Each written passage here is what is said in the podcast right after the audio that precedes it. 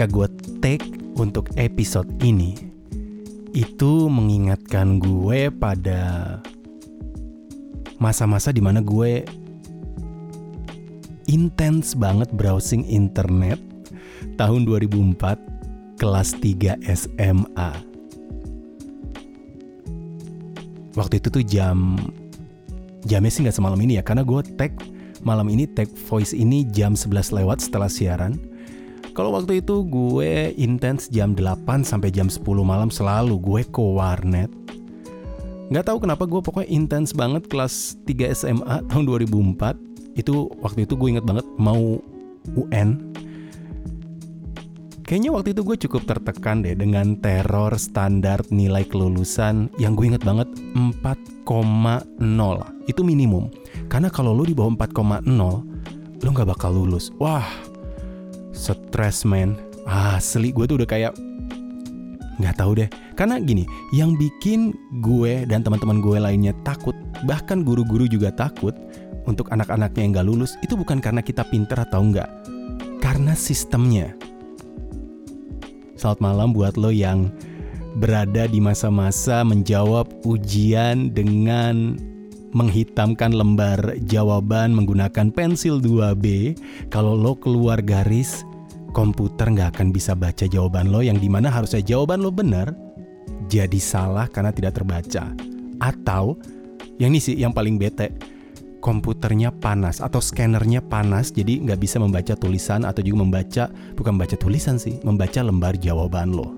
Wah itu yang bikin seangkatan tuh stres banget.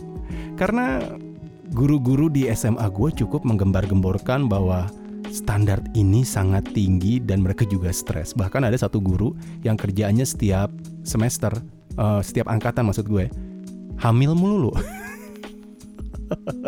Saking stresnya, wow sebuah hiburan ya mengandung. Jadi kalau balik lagi ke warnet yang selalu gue kunjungin setiap malam, itu browsingnya satu jam 300 eh bukan 300 3000 sorry yang gue buka Friendster itu kayaknya gue emang stress relief deh untuk bisa menenangkan diri gue. Karena target gue waktu itu kalau lulus, gue pengen banget masuk Universitas Indonesia Ilmu Komunikasi, Vkom. Nah, gue tuh inget banget ketika gue browsing di internet, ini gue selalu di bilik itu, di komputer itu, karena satu-satunya komputer yang ada lagu yang selalu gue putar setiap malam, pakai Winamp apa sih bacanya Win M or Winem. Jadi lagu itu tuh yang bikin gue jadi punya suges tenang dok. Kalaupun lo nggak masuk UI, itu bukan akhir dari segalanya. Dan gara-gara lagu ini ya, gue tuh jadi bisa menerima kalau gue gagal. When you try your best and you don't succeed. When you get what you want, but not what you need. When you feel so tired that you can sleep. Stuck in reverse.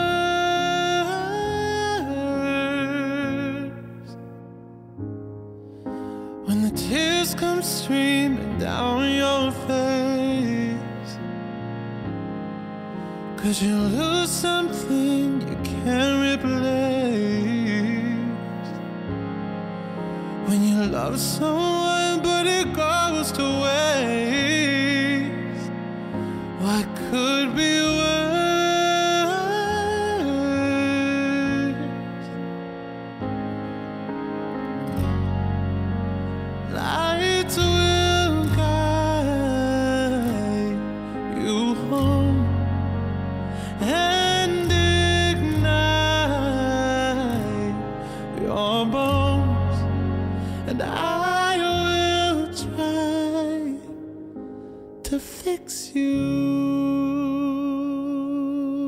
Aslinya memang lagu ini dibawakan oleh Coldplay, Fix You, yang zaman itu diputar di semua radio.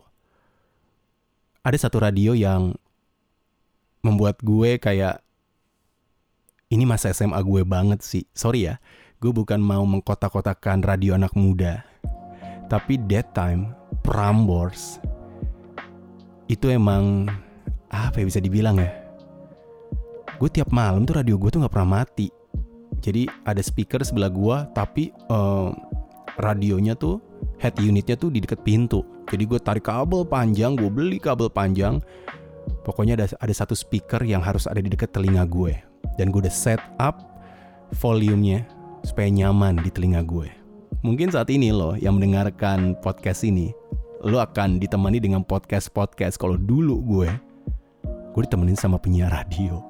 Jadi lagu Fix You dari Coldplay ini, ya angkatan gue lah. SMA tuh kayak, ya buat lo yang patah hati, ya waktu itu sih masih membahas seputar cinta doang ya yang relate ya belum sampai ke kehidupan yang ternyata pahitnya segitunya.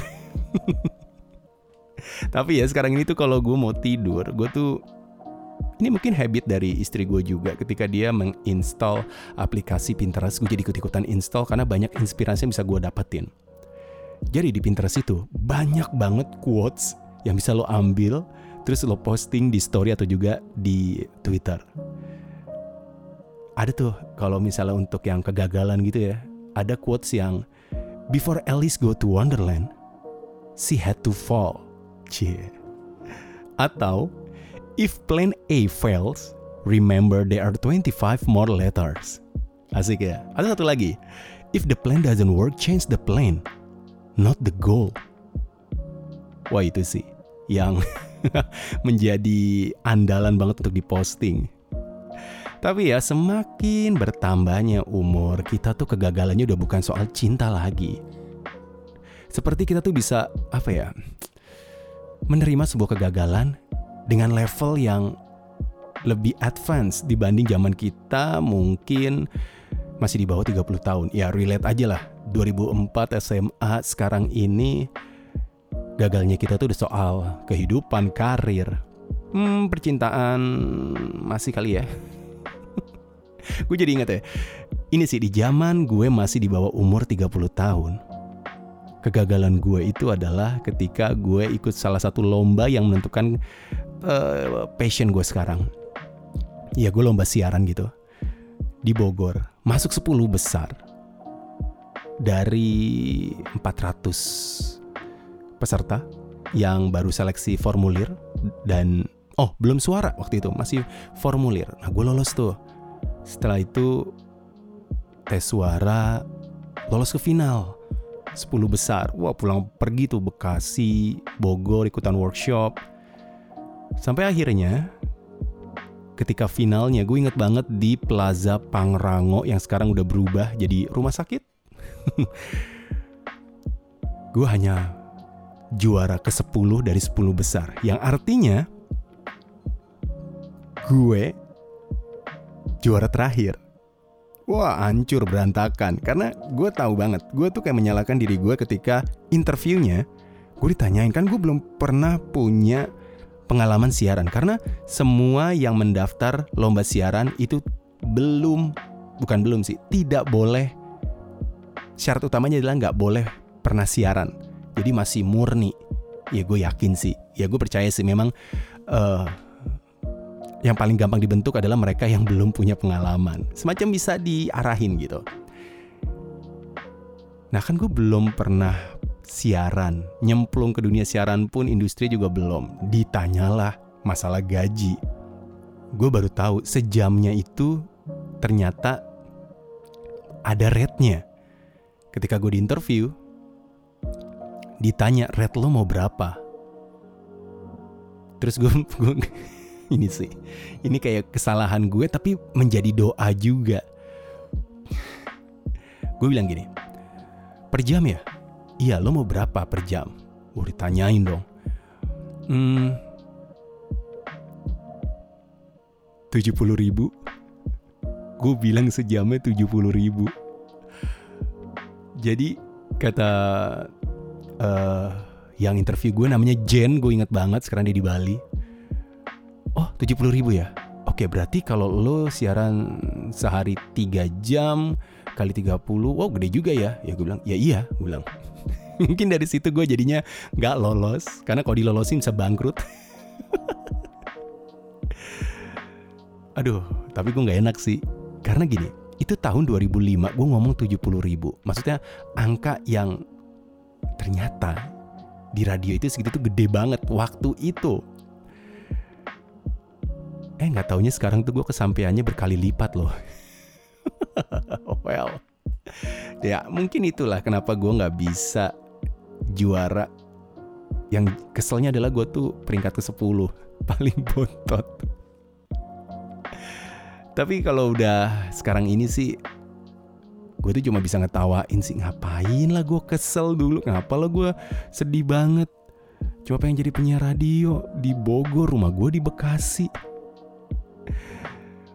sampai relate pada keadaan yang sekarang ini ini di masa pandemi ini ya kalau gue mau tarik ke sekarang ini ya jauh dari tahun 2005 ke 2021 jadi kemarin akhir uh, tahun 2020 gue dihadapi oleh tiga audisi yang di mana gue dapat dari website, sorry, dari sosial media maksud gue. Yang pertama audisi untuk brand ambassador fitness, uh, untuk brand hotel. Gue ikutan, gue bikin konten. Yang kedua audisi untuk voice over talent MRT, gue kirim suara. Yang ketiga ini sih yang emang uji nyali banget audisi untuk musikal gue ikutan, gue bikin konten. Tiga-tiganya gak lolos dari seleksi konten sama sekali. Itu gue udah yang gak, ah, gue gak yang sebel sesebel sebelnya sih karena makin ke sini tuh karena gue udah punya pengalaman juga kali ya menjadi salah satu yang menseleksi ketika grup gue di radio ini punya uh, kontes juga gue jadi tahu bahwa Gak cuma semata-mata lo doang yang dinilai, banyak aspek. Yang paling nyesek sih adalah ketika gue pengen banget beneran untuk ikutan di salah satu uh, production musikal. Gak lolos, koreo gue menurut gue ya bener. Nada gue ya kalau dibandingin dengan yang lain, untuk gue yang gak tapping, yang emang live, gue record, lo bisa lihat di sosial media gue. Jangan lupa like ya, dan follow. At Dodo Harahap. Anyway itu gue nggak rekaman loh. Gue gerak sambil nyanyi dan itu emang capek banget untuk ukuran musikal. Nggak kebayang sih pemain Broadway gimana capeknya. Ya gue kalau misalnya mau gue bandingin dengan yang recording terus mereka tinggal lip sync sambil um, gerak koreo gitu gue belum yakin sih mereka akan stabil stamina-nya. Tapi kan gue nggak tahu ya standar mereka penilaiannya seperti apa. Jadi gue yang oke, okay, ya mungkin memang itu bukan gue, bukan jalannya gue. Jadi ya udah. Wah kalau dulu mungkin lo setuju sama gue ya. Pertama kali ikutan kompetisi gagal berantakan, parah men. Sampai pada akhirnya gue ingat sama salah satu caption yang ditulis sama temen gue temen SMA gue, dia pernah nulis di Facebook begini. Kegagalan adalah awal dari kehancuran. Oh man. Itu zamannya dia masih kuliah. Gue ingat banget tahun 2008, 2007 ya. Ya well. Semakin bertambahnya umur, semakin banyak pemakluman. Sama gak sih kayak gue? Gue gak tahu sih. Kalau lo menghadapi atau memposisikan diri lo ketika gagal atau nggak mendapatkan apa yang lo inginkan kalau gue ya gue cuma sekarang tuh cuma bisa bilang ya udahlah ya mungkin itu bukan porsi gue kalaupun gue dipaksa juga untuk bisa gak asik jatuhnya karena gue yakin kok banyak perjalanan yang ya mungkin tujuan gue adalah ke titik yang ada di depan mata gue tapi gue mungkin gue harus belok dulu ke kanan ke kiri sampai akhirnya ya ke situ cuman perjalanannya lebih panjang. Karena kalau gue berpikir bahwa gue ngambil jalan pintas untuk lurus ke sana itu nggak seasik ketika lo menikmati prosesnya. Oh gue percaya banget sama yang namanya proses. Maksud gue gini gue sangat menikmati proses. Ketika beberapa kali gue pindah ke radio training ketika gue udah bisa siaran oh ya udah ya ternyata begini doang ya tinggal gue memaintainnya. Jadi ketika gue berjuang untuk mendapatkan hal tersebut, ternyata kalau buat gue prosesnya itu yang bener-bener bikin gue kayak hmm, rasanya tuh kayak wow challenging banget tapi gue rada bete ya kalau ada orang yang suka membandingkan dengan cerita-cerita sukses yang sekarang ini menjadi legenda. Gue tuh pengen banget, gue pasti bisa sukses gitu kalau kata seseorang. Gue pengen kayak, sebut aja siapa ya? Ah, ini uh, penemu uh, Kentucky Fried Chicken, Colonel Sanders. Colonel Sanders aja bisa kok di, atas usia 60 tuh sukses. Dia tuh kalau nggak salah ya, 76 tahun. Usia 76 tahun dia baru bisa settle tuh KFC. Iya, iya sih, iya. Iya. Ya, gini-gini. Uh, eh, gue tidak mematahkan semangat buat lo yang mendengarkan ini ketika lo meng menggebu-gebu obses banget. Obses tuh penting. Tapi realistis itu yang harus uh, untuk menjadi pondasinya supaya lo nggak gila cuy. Karena gue percaya banget kok ya. Obses itu penting, tapi jangan lupa dialasi dengan realistis. Beda ya dengan idealis tapi realistis itu kan karena lo punya uh, sebuah standar. Tapi kalau mencapai posisi untuk bisa mendapatkan standar kan harus obses dulu ya. Wow, obsesi itu parah sih. Uh, gue termasuk orang yang gak bisa bersaing dengan orang yang obses. Tapi gue punya jalan untuk bisa ke arah situ tanpa harus obses. Karena banyak yang harus gue maklumin seperti ketika lo teamwork, ini sih ada beberapa yang memang sifat-sifat yang yang gue perhatiin ya tidak memperhatikan sekitar. Sampai akhirnya mementingkan diri sendiri. Ya nggak apa-apa. Tapi efeknya tuh ya bakal ke sehat atau tidaknya teamwork lo Nah gue tuh punya cara sendiri tuh untuk bisa mengiyakan semua orang tapi tujuan gue ke situ tanpa harus menggeser semua orang untuk tujuannya ke situ. Gitu sih. ya kita hidup di masa pandemi ini kayaknya sekarang ini nih kalau gagal tuh kita cuma bisa bilang ya udahlah ya. Gak usah lagi namanya nge-push banget. Karena gue baru sadar juga ternyata gue baru baca artikel juga gitu kan ternyata kita tuh bukan cuma punya satu otak, ada lagi tuh di dalam perut kita. Usus atau lambung ya, gue lupa. Itu otak kedua kita. Ketika lo stres, ketika lo kecewa, ketika ketika lo pusing, asam lambung naik. ya well, semoga buat lo yang memang sampai saat ini susah tidur karena anxiety. Kok gue gak bisa mendapatkan itu? wah gue udah gak bisa lagi nih dapetin itu. Dari cerita yang akan gue putar terakhir ini, semoga uh, ini lebih ke percintaan sih.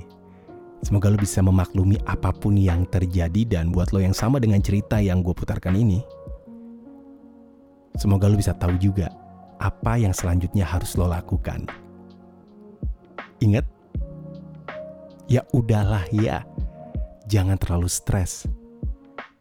Yang ada nanti standar hidup gak naik, karir hidup gak naik, yang ada malah asam lambung yang naik. Before I sleep.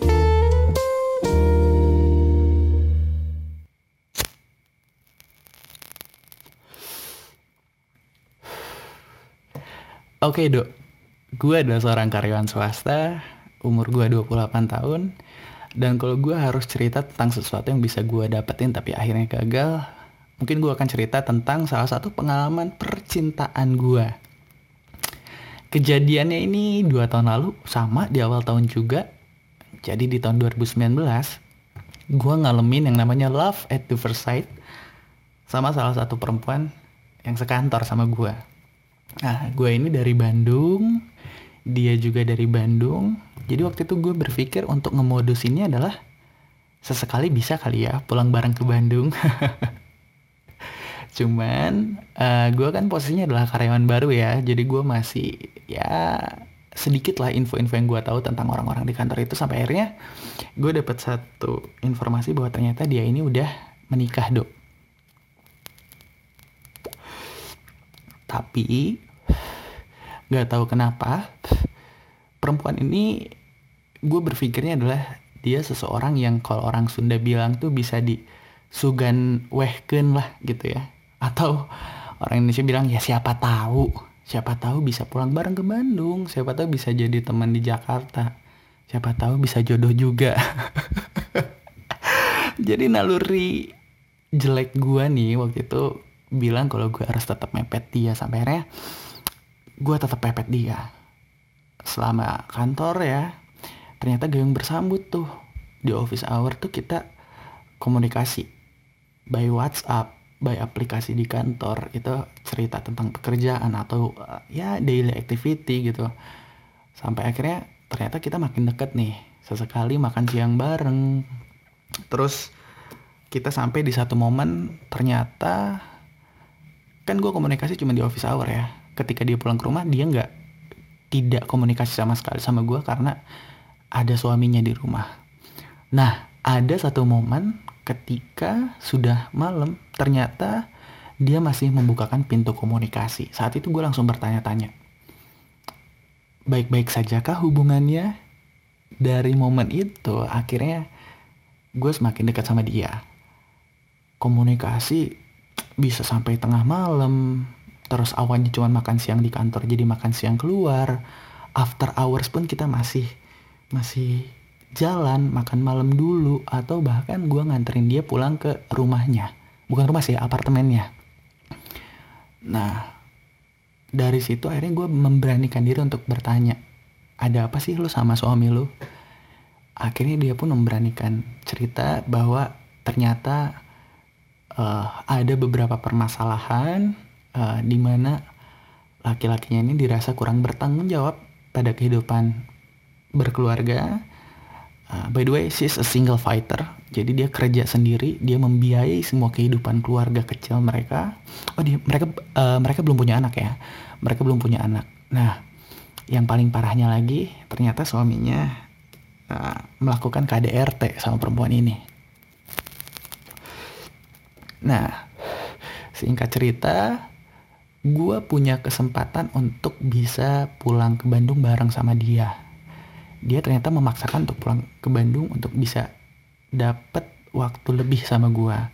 Ketika di Bandung kita pergi berdua, suaminya nggak ikut. Di sana kita deep talk dan akhirnya dia bilang ternyata tujuan dia pulang ke Bandung itu adalah untuk minta izin sama nyokapnya untuk berpisah sama suaminya. Ketika itu yang awalnya gue merasa ini hubungan ya cuman bisa deket-deket doang ternyata kayaknya bisa gue dapetin ditambah ternyata dia ini minta izin juga sama nyokapnya untuk pindah agama. Dia mohon bimbingan gue untuk diajari agama Islam. Di situ gue makin merasa bahwa ini hubungan yang bisa gue dapetin. Walaupun cara dapetinnya salah tapi gue tahu ini jalannya Tuhan. Akhirnya dari pengakuan dia selama beberapa hari di Bandung banyak deep talk. Akhirnya gue harus bertanggung jawab karena gue dalam tanda kutip bikin orang lain pisah gitu kan. Gue merencanakan up kami ya bukan gue doang gue dan dia merencanakan kalau sampai nanti mereka berpisah dan ada jodohnya sama gue merencanakan tentang beli rumah merencanakan tentang keluarga, bahkan pembagian keuangan segala macamnya gue rencanakan barengan sama dia yang selama ini, ini dia tidak bisa merencanakan sama suaminya. Setelah dari Bandung kita balik lagi ke Jakarta untuk kerja dan beberapa hari kemudian ternyata dia ngasih kabar sama gue bahwa segala macam yang udah kita rencanain tuh harus ditutup rapat-rapat karena dia ini hamil, do. Dia pun harus menutup keinginannya berpisah sama suaminya karena dia akan menjadi seorang ibu. Ya bapaknya jelas lah suaminya ya. Di situ gue merasa kayak awalnya ini adalah hubungan yang gak mungkin, tapi ternyata sangat mungkin dan sangat bisa untuk gue dapatkan. Tapi akhirnya semuanya gagal. Before I